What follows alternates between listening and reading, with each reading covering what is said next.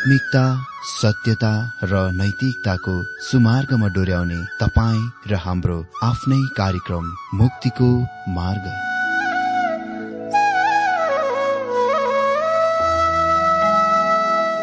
आदरणीय श्रोता यस मुक्तिको मार्ग कार्यक्रममा हार्दिक स्वागत छ आशा छ यस आत्मिक कार्यक्रमद्वारा जीवनमा आत्मिक आशिष अलौकिक शान्ति र आनन्द प्राप्त गर्नुहुनेछ। र जीवनमा धन्य अनुभव गर्नुहुनेछ। आउनुहोस् श्रोता। मन र आत्माको तयारीको लागि यो मिठो अनि मधुर भजन गीत सुनौ।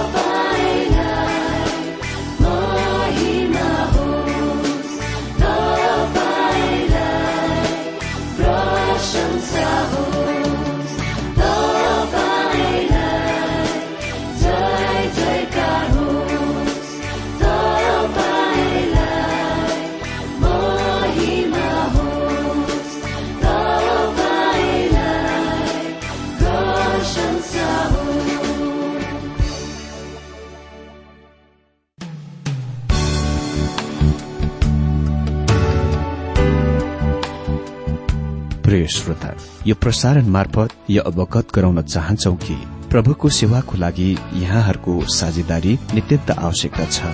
यहाँहरूले प्रार्थनाको साथसाथै आर्थिक सहायता गर्न अनुरोध गर्दछौ। तपाईँहरूको सानो भन्दा सानो भेटी किन नहोस्? हामी प्रभुको नाममा स्वीकार गर्नेछौ प्रभुको सेवाको लागि। तपाईँहरूको यो सानो लगानीले कसैको जीवनमा भिन्नता ल्याउँछ अनि प्रभुको महिमा हुन्छ। प्रभु तपाईँहरूलाई महान गरी आशिष दिनुहुनेछ। इच्छुक श्रोताहरूले तपाईँको इच्छा भेटी हाम्रो ठेगानामा पठाउन सक्नुहुन्छ जुन ठेगाना हामी कार्यक्रमको अन्तमा दिनेछौं। प्रिय श्रोता मित्र आज पनि यहाँ सबैलाई मेरो प्रभु येशु ख्रिष्टको मधुर अनि सामर्थ्य नाममा जयमसी भन्न चाहन्छु। श्रोता आज हामी पवित्र धर्मशास्त्र बाइबलको अध्ययन प्रकाश दुई र तीन अध्यायको परिचय खण्डबाट हेर्दै अगाडि बढ्नेछौ। यसले हामीलाई मण्डली खण्ड वा मण्डली भागमा ल्याउँछ जुनलाई ख्रिष्टको शरीर पनि भनिएको छ।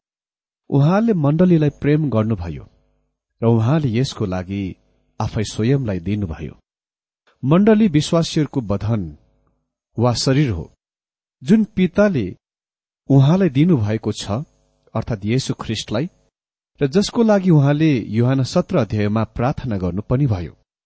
प्रकाश तीन अध्यायपछि मण्डली त्यसको अनुपस्थित त्यो नरहेको कुरा थाहा पाइन्दछ। चार अध्यायसम्म चर्च वा मण्डली उन्नाइस पल्ट उल्लेख भएको छ। अनि प्रकाश चार अध्यायदेखि बीस अध्यायसम्म मण्डलीको कति पनि नाम उल्लेख गरिएको छैन। अनि यसको सामान्यतय प्रतिक्रिया हुन्छ कि यस अवधिमा मण्डली कहाँ छ त? त्यो निश्चय नै संसारमा छैन। त्यसलाई पृथ्वीबाट हटाइएको छ। यी सात पत्रहरूसँग तीन तहका अर्थ खुलाइ अर्थात् व्याख्या र लागू पनि छ। पहिलो समकालीन तिनीहरूसँग युहन्नाका दिनका स्थानीय मण्डलीहरू कहाँ सिधै सन्देश छ। म अर्को दुई अध्यायहरूमा यी सात मण्डलीहरू रहेको स्थानमा लानेछु। मैले यो मण्डली रहेको स्थान र ठाउँहरू घुमिसकेको छु अनि म त्यस क्षेत्रमा अझै जान चाहन्छु। किनभने यसले मलाई बाइबलको एकदम निकटतामा ल्याउँछ।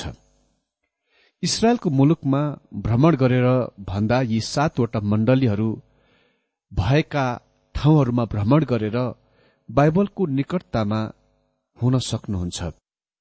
यी मण्डलीहरूका विध्वंसहरू कंकडहरू भग्नावशेषहरूसँग स्पष्ट सन्देश छ। युहानाले यी मण्डलीहरूलाई पत्र लेखिरहेका छन् जुनको बारेमा उसलाई राम्ररी थाहा थियो।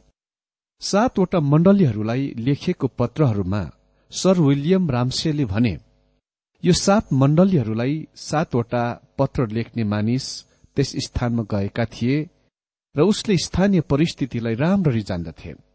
अनि दोस्रो संयुक्त। प्रत्येक मण्डलीको तस्विर संयुक्त तस्विर यो हो। त्यहाँ कुनै त्यस्तो कुरा छ जुन प्रत्येक युगमा प्रत्येक मण्डली र व्यक्ति विशेषको लागि लागू छ। अर्को शब्दमा जब तपाईँ पर्गामममा रहेको मण्डलीलाई पठाएको सन्देश पढ्नुहुन्छ त्यहाँ तपाईँको मण्डलीको लागि र व्यक्तिगत रूपमा तपाईँको लागि पनि सन्देश पाउनुहुन्छ। तेस्रो कालक्रमिक। यी सात पत्रहरूमा मण्डलीको विशाल चारैतिरको इतिहास दिइएको छ। यहाँ मण्डली इतिहासको सात पृथक अवधिहरू छन्। एफिससले प्रेतका समयको मण्डलीको प्रतिनिधित्व गर्दछ। लाउडेसियाले सत्य विश्वास त्यागी मण्डलीको प्रतिनिधित्व गर्दछ। यो भविष्यवाणीक तस्विर अधिकतर पूरा भएको छ ज्यादा मात्रामा पूरा भइसकेको छ र अहिले चर्च इतिहास हो जुनले यी अध्यायहरूलाई एकदम उल्लेखनीय बनाउँदछ। अहिले यी सात मण्डलीहरूलाई लेखिएको प्रत्येक पत्रहरूमा प्रभुले प्रयोग गर्नुभएको स्पष्ट परिभाषित र सुस्पष्ट आकारतिर तपाईँको ध्यान खिच्न चाहन्छु। पहिलो त्यहाँ महिमित ख्रिष्टका केही विशेषता वा लक्षणहरू थिए जसलाई युहानले एक अध्यायमा देखे। जुनको प्रत्येक मण्डलीलाई सम्बोधन गर्दाखेरि जोड दिइएको थियो। निश्चय नै उद्देश्यको कुराको लागि विशेष कुराको जोड दिइएको थियो। दोस्रो पत्रहरू प्रत्येक मण्डलीका दूतहरूलाई सम्बोधन गरिएको छ। यो मेरो सम्झाइ वा बुझाइ हो कि यहाँ उल्लेखित दूत केवल मानव सन्देश वाहक वा दूत हो जसलाई हामी मण्डलीको पास्टरको रूपमा नाम दिन सक्छौ। तेस्रो उहाँले हरेक मण्डलीलाई यो भन्दै आफ्नो कथन शुरू गर्नुहुन्छ। मलाई तिम्रा कामहरू थाहा छ। यद्यपि केही अन्य ती पत्रहरूका सम्बन्धमा त्यसको बारेमा केही प्रश्न भए तापनि चौथो उहाँले पहिले प्रशंसाको वचन दिनुहुन्छ अनि त्यसपछि उहाँले निन्दाको वचन दिनुहुन्छ। यो उहाँको विधि हो। तर अपवादहरूको चाहिँ ध्यान दिनुपर्छ। ध्यान दिनु पर्ने कुराहरू छन् त्यहाँ। स्मिर्ना र फिलेडेल्फियाको मण्डलीलाई कति पनि र कुनै निन्दाको वचन दिइएको छैन। स्मिर्ना शहीद चर्च मण्डली थियो र उहाँले त्यस मण्डलीलाई निन्दा गर्नुहुने छैन। फिलिडेल्फिया मण्डली मिसनरी मण्डली थियो जुनले उहाँको वचन बाहिर लगिरहेका थिए बाहिर दिइरहेका थिए। र उहाँले त्यसलाई निन्दा गर्नु भएन अनि उहाँसँग लाउडिसियाको लागि अर्थात सत्य विश्वास त्यागी मण्डलीको लागि पनि कुनै प्रशंसाको वचन छैन। पाँचौं। प्रत्येक पत्र चेतावनीको साथ अन्त हुन्छ। परमेश्वरको आत्माले भन्छ सो जसको कान्छ त्यसले सुनोस् भनेर। यो पुस्तकको दोस्रो प्रमुख विभाग खण्डमा हामी मण्डलीहरूसँग सम्बन्धित कुराहरू देख्छौं। यी प्रत्येक सात पत्र त्यो सन्देश हो जुन प्रभु येशुले विशेष मण्डलीलाई पठाउनुभयो।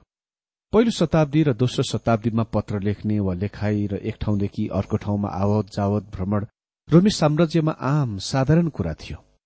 त्यस अवधिमा पूरा रोमी साम्राज्यभरि व्यापक संचार आदान प्रदान थियो।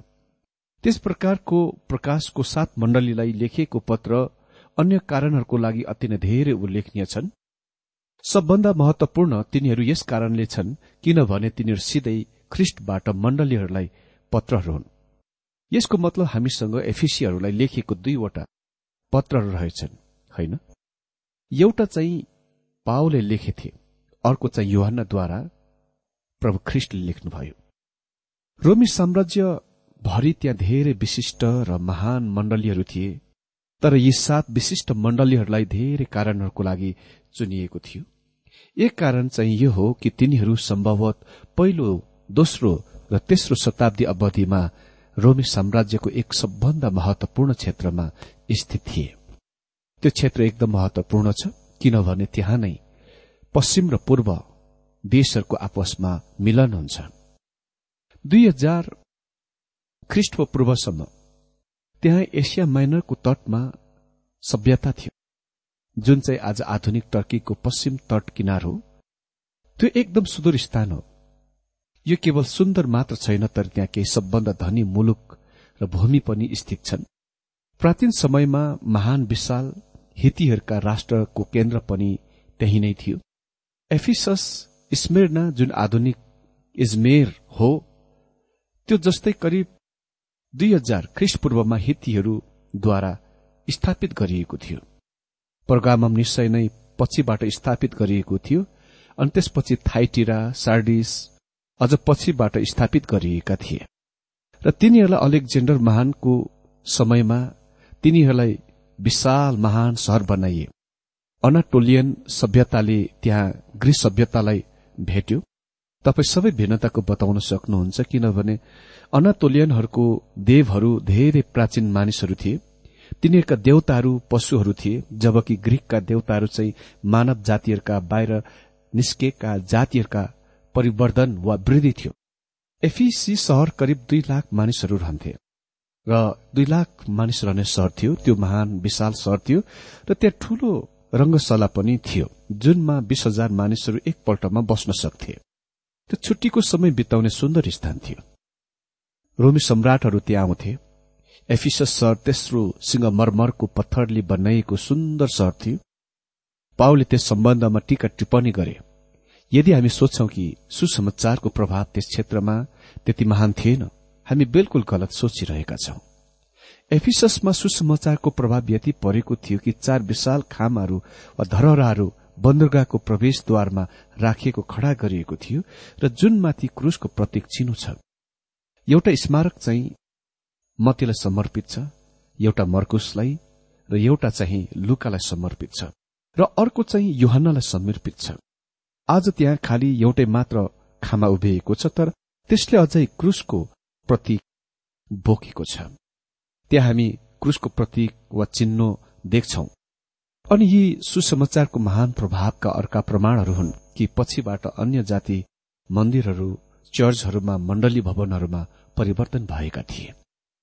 पावल र युहन्नाको सेविकै पछि त्यस क्षेत्रमा क्रिस्चियन जनसंख्या धेरै वृद्धि भयो।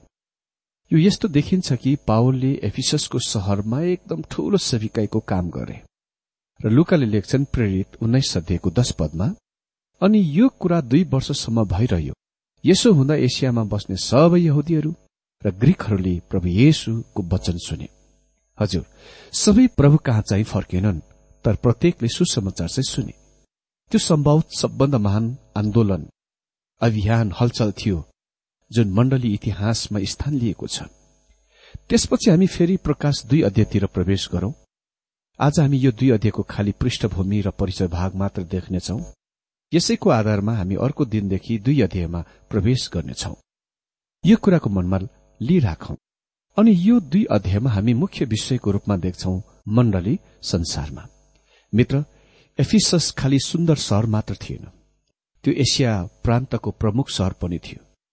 यसलाई प्लिनीले एसियाको ज्योति भनेथे। त्यो दुवै त्यस सम्पूर्ण क्षेत्रको धार्मिक र वाणिज्य केन्द्र थियो जुनले दुवै पूर्व र पश्चिम अर्थात एसिया र युरोपलाई प्रभाव पार्यो। जब पाउल एफिससको बन्दरगाहमा उत्रे उसले त्यस सहरलाई सेतो सिंगर मरमरको पत्थरमा देखे। अनि जब उनी त्यस सहरको बीच केन्द्र स्थानतिर आए उसले सबै प्रकारका महान र सुन्दर बिल्डिङहरू भवनहरू मन्दिरहरू र उपहार पसलहरू देखे। अनि उसको दाहिनेतिर त्यहाँ ठूलो बजार थियो जब उनी माथि बौले बर्डतिर बढ़िरहेका थिए। अनि उसको अगाडि सामने डाँडाको फेदीमा रंगशाला नाट्यशाला थियो जहाँ बीस हजार मानिसहरू एकपल्टमा बस्न र अटाउन सक्थे। अनि उसको बायाँतिर त्यहाँ अर्को विशाल रंगभूमि थियो म्युजियम थियो रंगमञ्च थियो जहाँ एकपल्टमा एक लाख मानिसहरू बस्न सक्थे। त्यस समयमा त्यहाँ दुई लाख भन्दा धेरै मानिसहरू बसोबास गरेका थिए अनि यहाँ नै पाओले आफ्नो महान सेविकै गरे। अनि पछिबाट यहाँ नै योहन्ना पास्टर बने। यो सर्वप्रथममा पहिले अनातोलियनहरूद्वारा डाइनाको मन्दिरको वरिपरि बनाइएको थियो जसले डाइनाको पूजा गर्थे। पहिलो मन्दिर काठले बनाइएको थियो जुन अति नै निचो स्थान सागरको समुद्रमा बनाइएको थियो। तटमा बनाइएको थियो। वास्तवमा पानीको छाले जग आधारमा हान्दथ्यो त्यस समयमा कास्टर र सानो मायन डियर नदीले बालुवा र माटो यति धेरै तल बगाइ ल्यायो कि अलेक्जेन्डर महानको समयसम्ममा त्यसले मन्दिरमा र त्यसको वरिपरि भरिदियो पुरिदियो। त्यो नदीको पानी साबुन जतिकै बाक्लो छ किनभने त्यसले अति नै धेरै मलिलो बाक्लो माटो बगाएर ल्याइरहेको थियो। जब अलेक्जेन्डर महानले त्यस सहरलाई लिए कब्जा गरे। उसले त्यसलाई आफ्नो एकजना सेनापति लिसिमाकसलाई दिए किनभने माटो र बालुवा आइरहेकोले गर्दा र बन्दरगाह माटो र बालुवाले भरेकोले गर्दा लिसिमाकस अग्लो ठाउँतिर सरे अनि त्यहाँ नै त्यस सहरको विध्वंसहरू र भग्नावशेषहरू आज पनि देख्न सकिन्छ। यो त्यो सहर हो जुन त्यहाँ पावल आउँदाखेरि थियो। पुरानो मन्दिरको क्षेत्रमा काठ कोइला र छालाहरूको जग आधार यो निचो दलदली स्थानमा लगाइएको थियो। अनि अलेक्जेन्डर महानको नेतृत्वमा डाइनाको नयाँ मन्दिर निर्माण काम शुरू भयो जुन प्राचीन विश्वको एक आश्चर्य कुरा बन्यो। त्यो सबभन्दा ठूलो ग्रीक मन्दिर थियो जस्तो कि अहिलेसम्म कहिले पनि बनाइएको थिएन। त्यसमा करिब एक सय भित्री खम्बाहरू करिब छप्पन्न फिट उचाइका थिए अनि जुन मध्ये छत्तीसवटा चाहिँ हातद्वारा बुट्टाहरू खोपिएका सुन्दर खामाहरू थिए। त्यसका झ्यालहरू धुपी जातीय काठबाट बनाइएका थिए अनि खामाहरू र पर्खालहरू चाहिँ पेरियन सिंगमरमरका पत्थरहरू थिए। सिँढी भर्याङ चाहिँ साइप्रस बाटको एउटा दाग बोटबाट खोपिएको थियो। त्यो मन्दिरले एसियाको बैंकको रूपमा सेवा गर्थ्यो त्यसबेला र त्यहाँ अत्याधिक पैसा रुपियाँहरू जम्मा हुन्थ्यो। त्यहाँ हस्तकलाहरूको प्रदर्शन गर्ने ठूलो भव्य स्थान पनि थियो जहाँ अति नै बहुमूल्य चीजहरूको कलाकारहरूले आर्ट आर्टिस्टहरूले प्रदर्शन गर्दथे। अलेक्जेन्डरको प्रख्यात पेन्टिङ त्यहाँ बैजनी रंगको पर्दाको पछाडि अजिप्साको डाइनाको मूर्ति थियो जुन उर्वरताको देवी थिए। उसको धेरै स्तनहरू हुन्थे र एउटा हातमा लाठो बोकेकी हुन्थिन् र अर्को हातमा त्रिशूल। एफिसियनहरूको महान डाइना भन्न भन्नको सट्टामा एफिसियनहरूका भयानक डाइना भन्न सकिन्दछ। डाइना ती अन्य जाति प्रतिमा पूजकहरूका सबभन्दा पवित्र प्रतिमा थियो। तिनको मन्दिर एथेन्सको पार्थेनोन भन्दा चार गुणा ठूलो थियो। अनि त्यसलाई अन्तिममा दुई सौ छप्पन्न ईस्वी सम्बतमा गोथसद्वारा ध्वस्त गरियो। निश्चय नै त्यो पावलको दिनसम्म अस्तित्वमा थियो। यदि तपाईँ केही महान र भव्य शानदार स्थान देख्न मन पराउनुहुन्छ भने र हागिया सोफियामा जानुहोस् जुन वर्तमान टर्कीमा पर्दछ। त्यहाँ पाइएका सुन्दर खामाहरू जस्टिनद्वारा डाइनाको मन्दिरबाट निकालेर ल्याएका लगेका थिए जब उसले हागिया सोफिया निर्माण गरे। यी खामाहरू हेरेर मात्र पनि डाइनाको मन्दिरको सुन्दरताको केही धारणा दिन्छ। डाइनाको मन्दिरको वरिपरि सबभन्दा निज घिनलाग अनैतिकताका कामहरू गरिन्दथे डाइनालाई सम्भवत अरू कुनै प्रतिमा भन्दा धेरै मानिसहरूले पूजा गर्थे। आराधक कामुकता र यौन आनन्द भोगका घिनलाग्दा निज धार्मिक कृत्य वा संस्कारमा लिप्त हुँदथे। भन्नु नै पर्दा डाइनाको पूजा आराधना यौन क्रिया काम बाँच्न भन्दा अरू केही थिएन। डाइनाको नाम सिबेलेमा परिवर्तन गरियो। पावल एफिससमा सेविकाई आरम्भ गर्न उसको तेस्रो सुसमाचार प्रचार प्रसार धावामा आएथे। दुई वर्ष टिरानसको स्कूलबाट परमेश्वरको वचन बाहिर गइरह्यो। आफ्नो अनुभवको सम्बन्धमा पावलले लेखे पहिलो कुरन्ती सोह्रको नौ पदमा किनकि मेरो निम्ति ठूलो र प्रभावकारी ढोका खोलिएको छ तर धेरै विरोधीहरू छन्। पछिबाट प्रेमको प्रेरित र गर्जनको पुत्र योहन्ना एफिससमा पास्टरको रूपमा आए अनि उसलाई पद्मोसको टापुमा देश निकाला गरिए। त्यसपछि करिब दश वर्ष देश निकालाको र जेल नेल कैदको बाद पछि उनी एफिससमा फर्किआए। सन्त युहन्नाको चर्च जुन त्यहाँ अग्लो ठाउँमा स्थित छ त्यो परम्परा अनुसार प्रेरित युहन्नाको गाडिएको चिहानमाथि बनिएको छ भन्ने चाहिँ चलन छ। जे होस् मित्र आज हामीले एफिसस शहरको बारेमा केही परिचय र पृष्ठभूमिमा हेर्यौं अर्को दिन हामी देख्नेछौ एफिससमा भएको मण्डलीलाई ख्रिष्टको पत्र। आफ्नो मनको तयारीको साथ अर्को दिनदेखि यो बाइबल अध्ययनमा आउनुहोला। परमेश्वरले तपाईँ सबैलाई धेरै धेरै आशिष दिनुभएको होस्।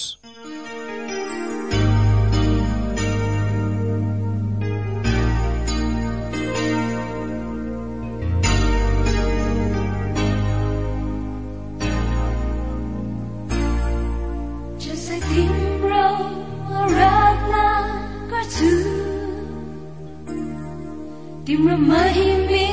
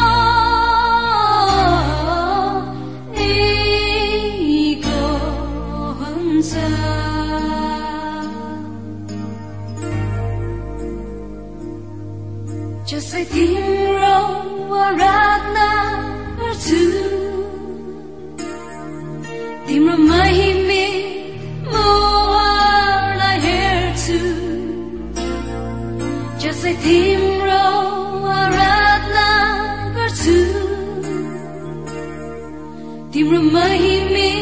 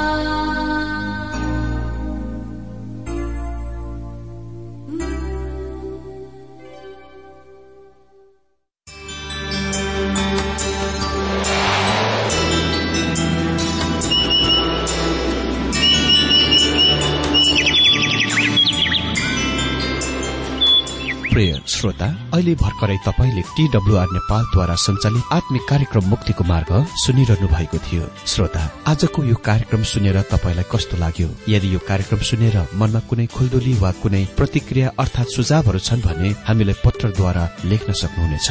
हामी हृदयदेखि नै स्वागत गर्नेछौ स्वीकार गर्नेछौ साथै बाइबल सम्बन्धित प्रचारहरू कार्यक्रम सारणीहरू हामी अनुरोधमा पठाउन सक्छौ। अनि तपाईँसँग कुनै प्रार्थनाको विषय छन् भने हामीले तपाईँको लागि प्रार्थना गरेको चाहनुहुन्छ भने प्रभुमा आफ्नै परिवार सम्झेर हामीलाई पत्रमा लेख्न सक्नुहुनेछ। तपाईँको लागि हामी प्रभु येशुसँग प्रार्थना गर्नेछौ। अधिक जानकारी र पत्रचारको लागि हाम्रो ठेगाना यस प्रकार छ।